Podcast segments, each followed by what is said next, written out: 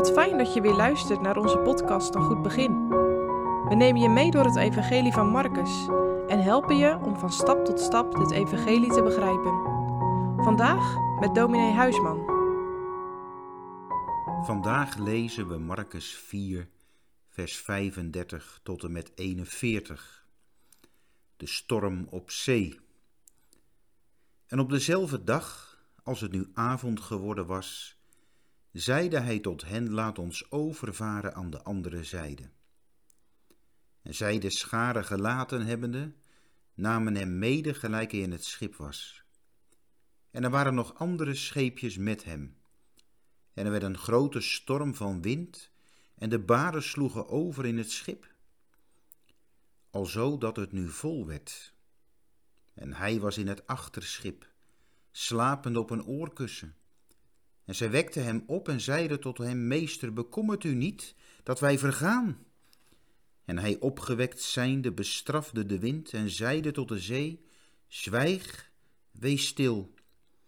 En de wind ging liggen en er werd grote stilte. En hij zeide tot hen, Wat zijt gij zo vreesachtig? Hoe hebt gij geen geloof? En zij vreesden met grote vrezen en zeiden tot elkander, Wie is toch deze? Dat ook de wind en de zee hem gehoorzaam zijn. Op een rustige dag volgt een stormachtige nacht. Wie had dat kunnen denken? Bij Jezus rust gevonden? Komt herwaarts tot mij, alle die vermoeid en belast zijn, en ik zal u rust geven. En nu het tegenovergestelde geen rust, maar storm. Met een slapende Jezus in een storm en golven die in het schip slaan. Een zware storm die zij als ervaren vissers zelf ook nog nooit meegemaakt hebben. Wat hadden de discipelen het voor deze storm goed gehad bij Jezus? Ze waren blij, want een grote groep mensen volgde Jezus en zijn prediking Liefelijk en nodigend hadden ze ingedronken als water voor een dorstig hart. We lezen zelfs hele mooie woorden. Ze, de discipelen, geloofden in hem. En nu een grote storm. En in het achterschip een slapende Jezus. En het voorschip vol met water. Wij weten ook uit de andere beschrijvingen van deze storm dat de discipelen geprobeerd hebben om dat scheepje drijvende te houden. Wat zouden ze van Jezus gedacht hebben, die zo rustig lag te slapen? Uit de woorden, Meester, bekommert het u niet dat wij vergaan? Blijkt dat het niet zulke goede gedachten geweest zijn.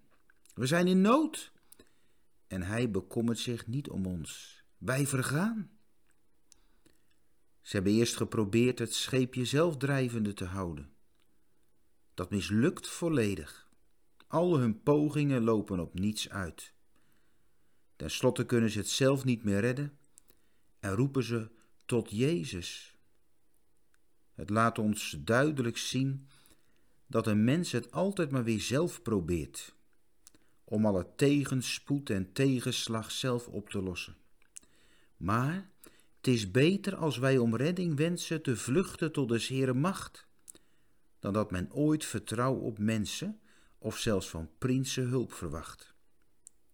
En toch is het niet alleen de storm die woedt, maar de duivel die woedt. De duivel wil dat Jezus met zijn discipelen in de zee verdrinkt. Wat blijkt dat waar Jezus is en werkt, de duivel dichtbij is. En dat niet alleen toen, maar ook nu. Ervaar je het ook in je leven? Waarom laat Jezus dat zo toe in mijn leven? Wij kunnen zo snel harde en verkeerde gedachten van de Heere hebben. Maar de duivel kan niet verder gaan dan Jezus toelaat, en dat blijkt. Want op het roepen van de discipelen wordt Jezus wakker. Hij bestraft de discipelen. Nee, dat staat er niet. Hij bestraft hun ongeloof. Niet in de eerste plaats. Nee, hij bestraft de wind. en zegt tegen de zee: Zwijg, wees stil. Hij bestraft de duivel, blijf van mijn schapen af. Als scheen Jezus diep te slaap, leek hij niets te horen, maar hem ontgaat niets.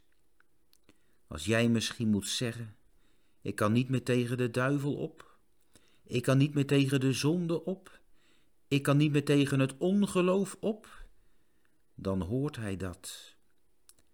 En dan komt hij ook, en dan is er grote stilte.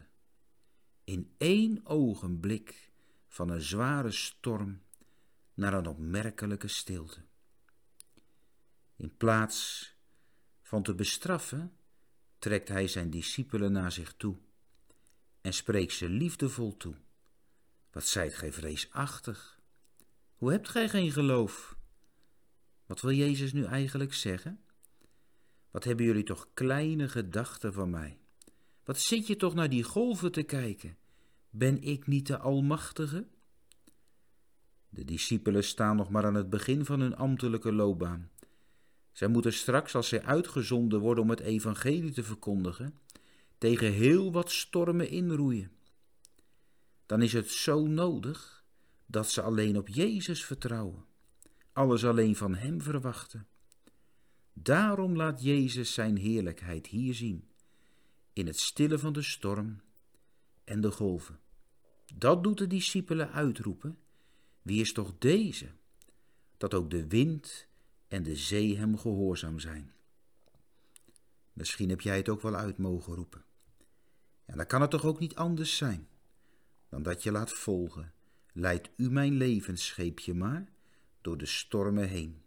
Neemt u het roer maar in handen, dan zal het goed gaan. Denk eens na vandaag wat deze geschiedenis jou persoonlijk te zeggen heeft.